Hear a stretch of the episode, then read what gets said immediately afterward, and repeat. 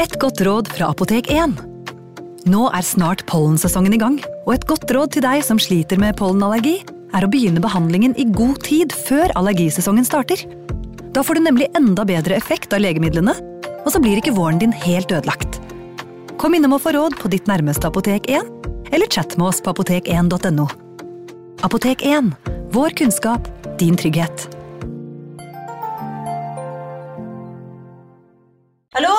Jeg kommer fra Oslo politikammer. Ine Jansen er purk. Er du purk? The motherfucking bitch. Alt jeg vil, er å finne ut hva som skjedde med mannen min. Jon Carew. Er jeg sikta for noe? Iben Akeli. Det er du. Ole So, Lars Berrum og Big Daddy Karsten. Hvem sin side er du på, egentlig? Anette Hoff, Tone Danielsen, Kommer du fra Afrika? Jørnis Josef, Nesten kløfta. Trond Espen Seim, Det er synd å si det, men det var feil mann som døde. Purk. Premiere tirsdag på TV2 Play. Ungsamtalen fra DNB er økonomisk veiledning tilpasset deg som er ung. Bokk en ungsamtale på dnb.no. slash ung. Det er kjempebra hvis du skal inn på boligmarkedet, hvis det er drømmen din, liksom. Det er det du skulle sagt. Og så kunne du ropt litt mer, da, sånn som jeg gjorde. Bam! Advarsel. Historiene vi forteller i denne podkasten kan være fiktive og avvike fra den opprinnelige historien av dramaturgiske årsaker. Meninger og påstander i historiene reflekterer nødvendigvis ikke programledernes meninger eller virkeligheten.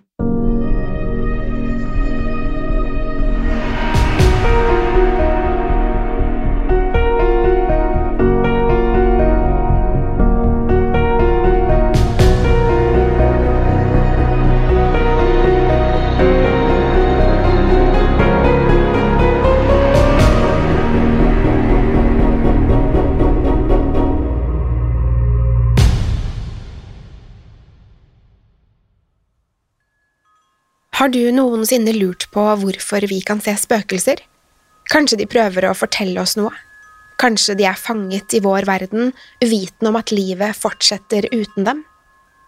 Det har alltid eksistert historier om avdøde familiemedlemmer som besøker oss i våre drømmer.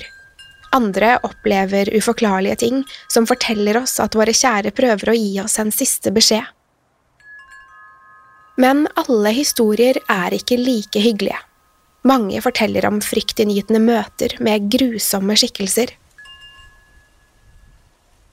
Jeg har flere ganger følt meg truet av det som kun kan beskrives som en mørk kraft. Historien jeg nå skal fortelle, har hjemsøkt meg i over 17 år. Jeg kan nesten garantere at denne historien vil få selv de største skeptikerne til å sove med lyset på. Jeg var elleve år første gangen jeg så henne. Foreldrene mine var borte, og jeg hadde leid skrekkfilmen Skrik. Jeg hadde bestemt meg for å sette den på for andre gang da jeg reiste meg for å hente noe å drikke. Idet jeg kom bort til trappen, la jeg merke til en skygge i det ene hjørnet. Jeg nølte et øyeblikk, før jeg tok et dypt åndedrag og fortsatte opp trappen. Da jeg kom tilbake til kjelleren, var det en uhyggelig stemning i hele rommet. Alt virket mørkere, men jeg valgte å late som ingenting. Jeg satte meg tilbake i sofaen, men la merke til en underlig silhuett i baderomsdøren. Jeg stirret mot døren, men idet jeg blunket, forsvant figuren. Jeg tenkte at det måtte være skrekkfilmen som påvirket meg, men i neste øyeblikk hørte jeg en stemme. Det hørtes ut som en liten jente som hvisket lavt til meg. Jeg klarte ikke å høre hva hun sa, men snart ble stemmen tydeligere. La oss leke. Jeg tenkte at det måtte være storebrødrene mine som tullet med meg. De elsket å skremme meg, så jeg regnet med at de kanskje hadde gjemt en båndopptaker et sted i kjelleren. Benjamin, ropte jeg, men ingen svarte. Philip, jeg kommer til å sladre til mamma. Fremdeles ingen svar. Kanskje jeg bare er overtrøtt, fortalte jeg meg selv. Jeg la meg under teppet på sofaen og kjente at øyelokkene begynte å bli tunge.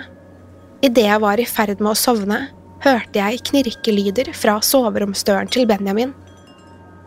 Jeg forsøkte å ignorere det, men jeg hadde fremdeles en ekkel følelse. Nå føltes det som om noen holdt øye med meg, og jeg kunne høre lyden av tung pusting. Jeg holdt pusten og forsøkte å lytte, og plutselig var det helt stille igjen. Til slutt vendte jeg ansiktet inn mot sofaryggen og håpet at jeg snart skulle falle i søvn. Kan du leke nå? Stemmen var rett ved siden av meg. Jeg håpet fremdeles at det bare var brødrene mine som tullet, og ble liggende med ansiktet mot putene. Jeg sladrer til mamma hvis dere ikke slutter å plage meg, ropte jeg tilbake. Like etter kom Philip og Benjamin bort til trappen. Hva er det du skriker for? spurte Benjamin. Ingen av dem virket særlig bekymret for min velvære. Hvis dere ikke gir dere, så sier jeg fra til mamma. Jeg innså samtidig at de hadde vært i overetasjen hele tiden. Det kunne altså ikke ha vært dem som hvisket i øret mitt. Jeg reiste meg fra sofaen og løp opp til soverommet. Jeg håpet at jeg skulle sovne raskt, men dessverre var dette bare begynnelsen på marerittet. Etter en halvtimes tid hørte jeg at soveromsdørene åpnet seg. Jeg spratt opp i sengen og sperret opp øynene. Og der i døråpningen så jeg en liten jente. Hun var kanskje seks år gammel, hadde langt, svart hår og var kledd i en hvit nattkjole. Hun stirret tilbake på meg med store, svarte øyne og et bredt smil. Jeg åpnet munnen og skulle til å skrike, men før jeg rakk å gjøre noe, førte hun fingeren mot den smilende munnen. Hysj, nå er det min tur til å gjemme meg. Jeg skrek høyere enn jeg noensinne hadde gjort. I neste øyeblikk kom moren min løpende inn på rommet. Hun spurte hva som var i veien, men jeg klarte ikke å forklare hva jeg hadde sett. Jeg kikket mot døråpningen, men jenten var borte. Det må ha vært et mareritt, forsøkte jeg å fortelle meg selv. Jeg bestemte meg til slutt for å gå og legge meg på sofaen i stuen. Tre uker senere lekte jeg med Philip og noen andre barn fra nabolaget. Vi lekte en form for gjemsel, der vi brukte lommelykter og lyste mot de som gjemte seg. Reglene var ganske enkle. Man kunne gjemme seg hvor som helst, men man måtte flytte seg hvert femte minutt. Det var heller ikke lov til å gjemme seg i bakhager, uten å be om tillatelse. Vi ventet alltid til det ble mørkt ute for å gi leken et ekstra spenningselement. Jeg hadde gledet meg i en hel uke. Jeg hadde nemlig funnet et perfekt gjemmested hvor ingen ville finne meg. Nabohuset hadde et skur i hagen hvor jeg fikk plass bak gressklipperen. Jeg hadde sittet der i omtrent tre minutter da jeg så lyset fra lommelyktene. Nabogutten Mikael var på vei mot meg, og plutselig rettet han lommelykten mot gjemmestedet mitt. Jeg ser deg, ropte han, men han kunne umulig vite at jeg var der. Hvordan så du meg? ropte jeg mot han. Fortalte Philip om gjemmestedet mitt. Hvor ble hun av? Spurte Mikael litt nølende. Jeg jaget henne hele veien, hun løp rett mot skuret. Jeg skjønte ikke om han tullet med meg. Hva hadde hun på seg? spurte jeg, selv om jeg egentlig ikke ville vite svaret. Hun hadde på seg en lang, gråaktig nattkjole. Det var merkelig. Hun må ha vært noen sin lillesøster, svarte han. Jeg spratt opp fra hjemmestedet mitt og stirret på Mikael. Jeg har gjemt meg her hele tiden, og du er den første jeg har sett. Mikael ble helt blek i ansiktet, men han fortsatte å late som ingenting. Han kom med en klønete unnskyldning, ga meg lommelykten og sa at det var min tur til å lete. Deretter løp han mot huset sitt. Selv om Mikael var borte, føltes det ikke som om jeg var alene. Jeg pekte lommelykten mot gaten og unngikk å se i retning av skuret. Jeg ville bare komme meg vekk, men det var noe som holdt meg igjen. Det føltes nesten som om noe hadde grepet rundt anklene mine og gjorde at jeg ikke kunne bevege føttene. Jeg var desperat etter å komme meg vekk, men da jeg forsøkte å løpe, snublet jeg i det våte gresset. Jeg ble liggende i det som føltes som noen få sekunder. Da jeg endelig klarte å løfte hodet, så jeg et par bleke føtter rett foran ansiktet mitt. Jeg slapp ut et skrik og forsøkte å rygge unna.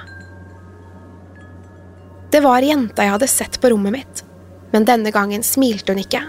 Ansiktet hennes var forvrengt, og det var nesten som om hun glefset mot meg. Det var mitt gjemmested, sa hun med en lys, skjærende stemme. I neste øyeblikk begynte tårer å renne fra de mørke øynene hennes. Det er din feil, fortsatte hun med en lavere og mer ondsinnet tone. Jeg forsto med en gang at hun ikke snakket om leken. Hun kom nærmere og viftet med armene idet hun falt over meg. Jeg grep tak i det iskalde håndleddet hennes mens jeg ropte etter hjelp. Jeg stirret inn i øynene hennes en siste gang før alt ble svart. Jeg våknet til lyden av fottrinn. Unnskyld, ropte jeg idet en arm strakk seg mot meg. Det var Philip. Går det bra? spurte han. Alle er på vei hjem, vi visste ikke hvor du var, og det begynner å bli sent. Jeg reiste meg opp og innså at jeg ikke var i naboens bakhage lenger. Jeg lå i oppkjørselen utenfor mitt eget hjem. Hva skjedde egentlig? spurte han. Han virket bekymret da jeg ikke svarte umiddelbart. Jeg… jeg vet ikke, sa jeg til slutt. Jeg ante fremdeles ikke hvordan jeg hadde kommet meg hit. Det er best vi går inn, det er snart midnatt, sa Philip. Jeg kunne ikke begripe hva som foregikk, og ble stadig mer bekymret for hva som egentlig hadde skjedd etter at jeg besvimte. Jeg måtte fortelle han hva jeg hadde opplevd. Du kommer sikkert til å synes at jeg er gal, men jeg så en jente, begynte jeg. I samme øyeblikk ble utelysene skrudd på, og faren min kom ut av døra. Det var et strengt drag over ansiktet hans, og vi forsto at det var på tide å legge oss.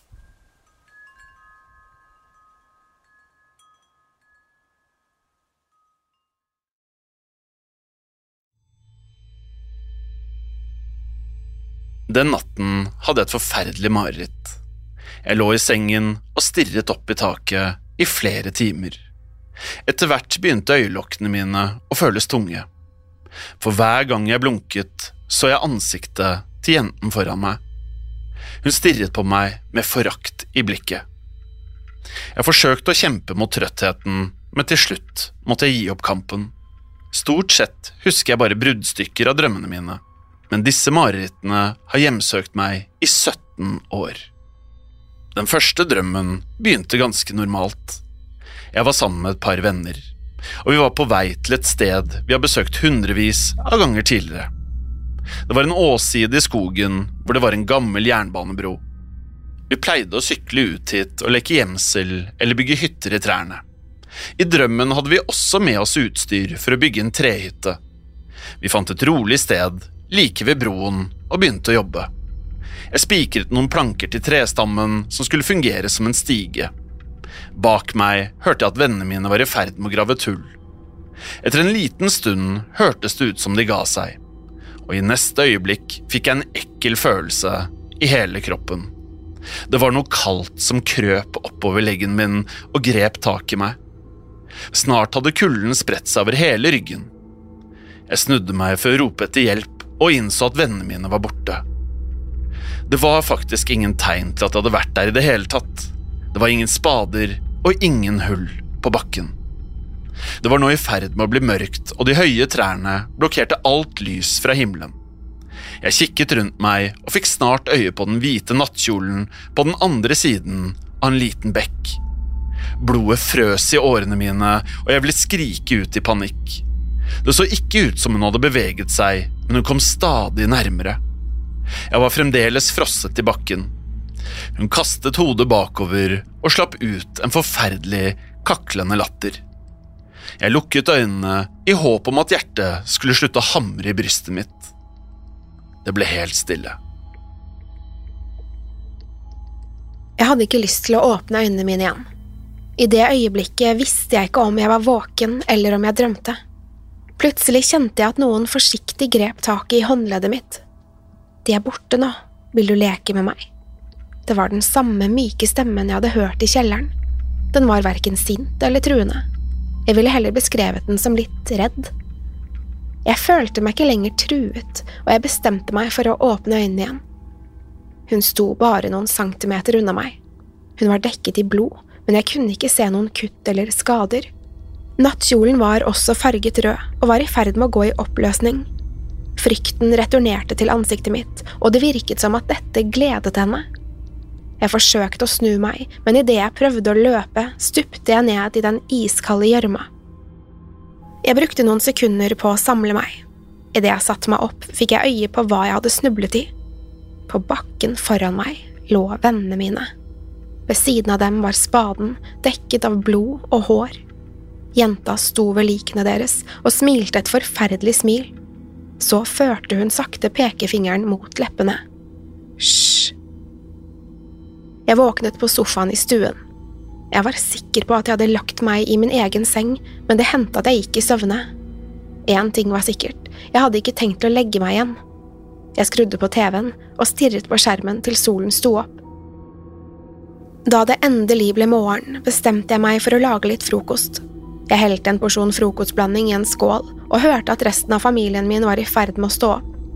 Jeg hadde lyst til å fortelle dem om hva som foregikk, men de ville bare fortalt meg at det var et teit mareritt. Det ville ikke være første gang jeg la ut om en tåpelig drøm, men denne var annerledes. De ville uansett aldri trodd meg, og jeg innså at jeg måtte håndtere dette på egen hånd. Da det ble kveld igjen, knelte jeg ved sengen og sa en stille bønn. Kjære Gud, jeg trenger din hjelp. Det er noe ondsinnet i dette huset som ikke lar meg være i fred. Jeg forstår ikke hvorfor hun har valgt ut meg. Har jeg gjort noe galt?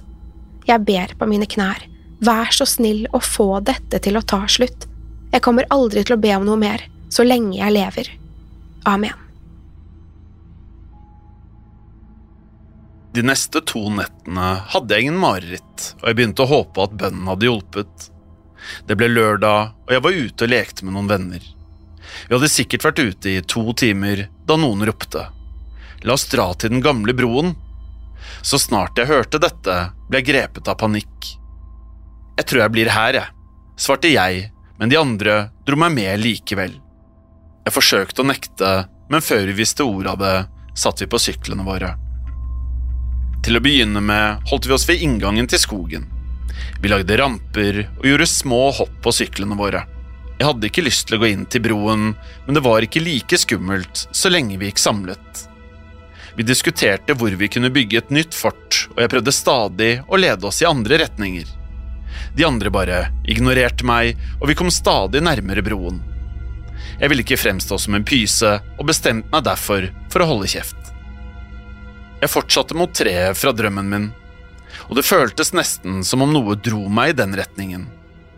Da jeg omsider kom bort til treet, så jeg at noe var risset inn i stammen. Jeg gikk enda nærmere for å se, og så nå hva det sto. Hysj. Livredd begynte jeg å løpe vekk fra treet. Jeg kastet meg på sykkelen min og syklet hjemover så fort jeg klarte. Hele kroppen min ristet da jeg endelig var fremme. Etter en liten stund kom vennene mine for å sjekke om det gikk bra med meg. De ringte på døren, men jeg nektet å prate med dem. Jeg ble bare liggende i sengen mens jeg hikstet og bannet om hverandre. Hvorfor hjelper du meg ikke? skrek jeg mot taket. Jeg ba om din hjelp, men du bare ignorerer meg. Den natten gråt jeg meg selv i søvn. De neste marerittene var kortere. Det var en merkelig drøm hvor jeg ble vist en serie med bilder. Jeg husker et gammelt gårdshus som forfalt mer og mer for hvert bilde. I hagen var det et tre, og fra en av grenene hang det en huske. Barn lekte med husken og boltret seg i det grønne gresset. Ingen av dem så ut til å bry seg om huset som var i ferd med å kollapse i bakgrunnen. Men ettersom huset forfalt, ble det stadig færre barn i hagen, og til slutt var det bare ett barn igjen. Det var en liten jente som stirret ned i bakken. Hun virket trist fordi alle vennene hennes var borte. Etter hvert ble tristheten transformert til sinne, og deretter forakt. Bildene ble mørkere mens jenta hevet blikket. Hun stirret rett på meg idet hun presset fram et kunstig smil. Med en gang fikk jeg følelsen av at hun visste at jeg så på henne. Hun sto helt stille i flere minutter. Det eneste som beveget seg, var bladene på treet bak henne. Plutselig ble det helt mørkt, og jeg hørte en lav, hviskende stemme. Hva skal vi leke nå? De neste kveldene holdt jeg meg unna soverommet mitt, og jeg fant stadig på nye unnskyldninger for å slippe å legge meg. Jeg var fremdeles redd for å støte på henne i mørket, men drømmene var enda verre. I marerittene var jeg fullstendig maktesløs. Jeg var ikke engang i stand til å lukke øynene eller se vekk. Jeg drakk utallige energidrikker, stirret på TV-skjermen og hørte på musikk i et forsøk på å holde meg våken. Til slutt fant jeg ut at hun lot meg være i fred hvis jeg sover på dagtid. Det gikk flere uker, og jeg forsøkte å glemme hele opplevelsen. Jeg begynte å føle meg litt tryggere, og jeg bestemte meg for å prøve å sove i sengen min igjen. Den natten besøkte hun meg en siste gang. Jeg våknet av at vinden blåste gardinene i ansiktet mitt. Jeg fikk umiddelbart en ekkel følelse. Hele livet har jeg slitt med pollenallergi, så jeg lukker alltid vinduet om natten. Idet jeg åpnet øynene, hørte jeg lyden av latter fra hagen. Jeg forsøkte å reise meg i sengen, men innså at jeg ikke var i stand til å røre meg. Før jeg visste ordet av det, ble jeg løftet fra sengen, og plutselig sto jeg midt på gulvet. Jeg hadde fremdeles ikke kontroll over min egen kropp, men begynte å bevege meg mot vinduet.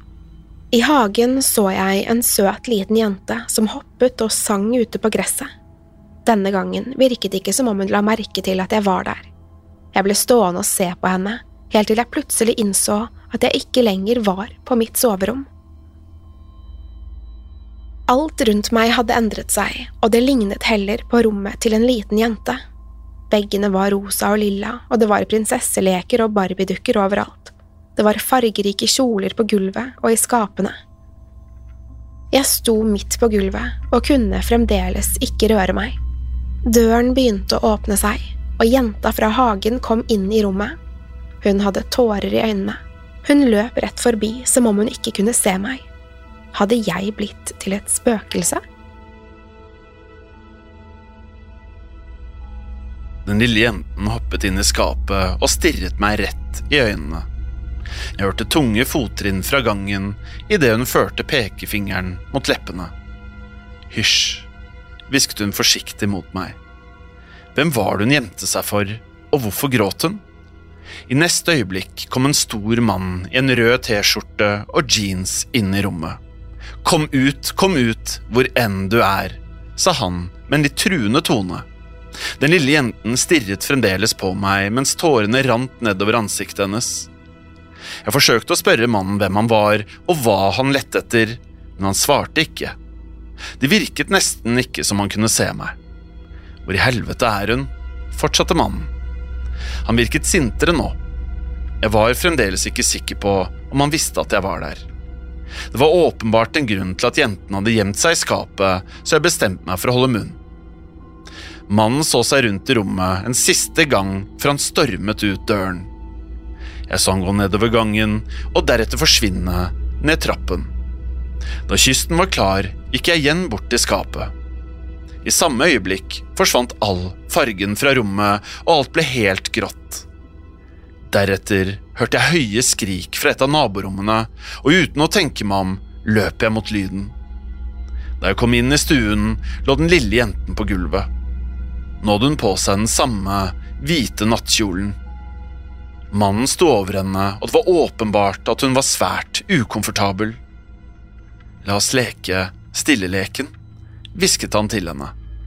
De virket først som trøstende ord, men jeg så frykten i øynene hennes. La henne være, skrek jeg så høyt jeg klarte. Jeg vet ikke helt hva jeg forventet, men det falt uansett for døve ører. Det var håpløst. Jenten snudde seg mot meg, og jeg begynte å føle meg svimmel. Det føltes som om jeg ikke klarte å puste. Alt ble mørkt, men jeg kunne fremdeles høre lave skrik som snart utviklet seg til en gurglelyd.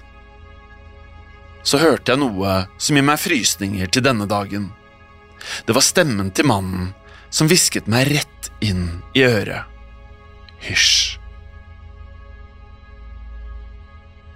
Jeg våknet i min egen seng og gråt i det som føltes som flere timer. Bortsett fra et mareritt i ny og ne, har jeg ikke sett jenta siden. Likevel føler jeg fremdeles at hun er her et sted. Jeg har lett etter svar på biblioteket og de lokale arkivene, men jeg har fremdeles ikke funnet ut hvem hun var. Kanskje var drømmen min om det forfalne huset et hint? Var det kanskje her hun tok sine siste åndedrag? Det er kanskje best å bare la det ligge, men spørsmålet fortsetter å hjemmesøke meg. Var jeg bare et barn med en livlig fantasi, eller forsøkte den lille jenta å be om min hjelp? Drømsøtt.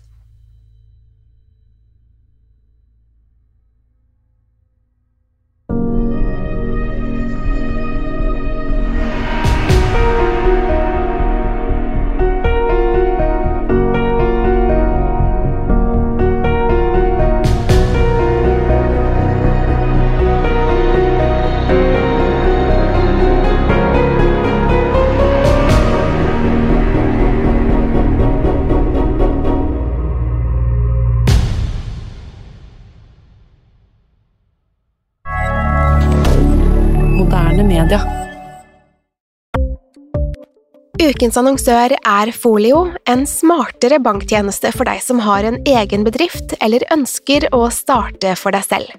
Folio er en superenkel nettbank for bedrifter. Som kunde i Folio får du en bedriftskonto med et bedriftskort og app. I denne appen er det smarte løsninger som forenkler regnskapet ditt, uansett om du har en liten bedrift eller et enkeltpersonsforetak.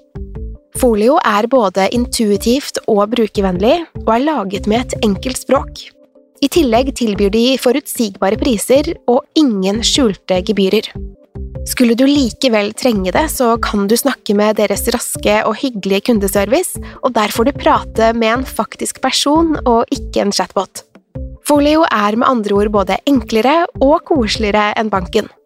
Over 10 000 bedrifter har allerede valgt Folio som sin banktjeneste, så besøk folio.no og se hvordan Folio kan forenkle din hverdag også. Har du et enkeltpersonforetak eller en liten bedrift? Da er du sikkert lei av å høre meg snakke om hvor enkelt det er med kvitteringer og bilag i fiken, så vi eh, gir oss her, vi. Fordi vi liker enkelt. Fiken superenkelt regnskap. Kiwi er billigst i VGs matbørs og har vært billigst i fire av de fem siste VGs matbørser. Og nå presser vi prisene på frukt og grønnsaker. På 200 gram broccolini setter vi prisen til 24,90. På 400 gram Cevita blåbær setter vi prisen til 49,90. Og husk, alle Kiwi Pluss-kunder får i tillegg 15% trumfbonus på all fersk frukt og grønt. For det er vi som er prispresserne.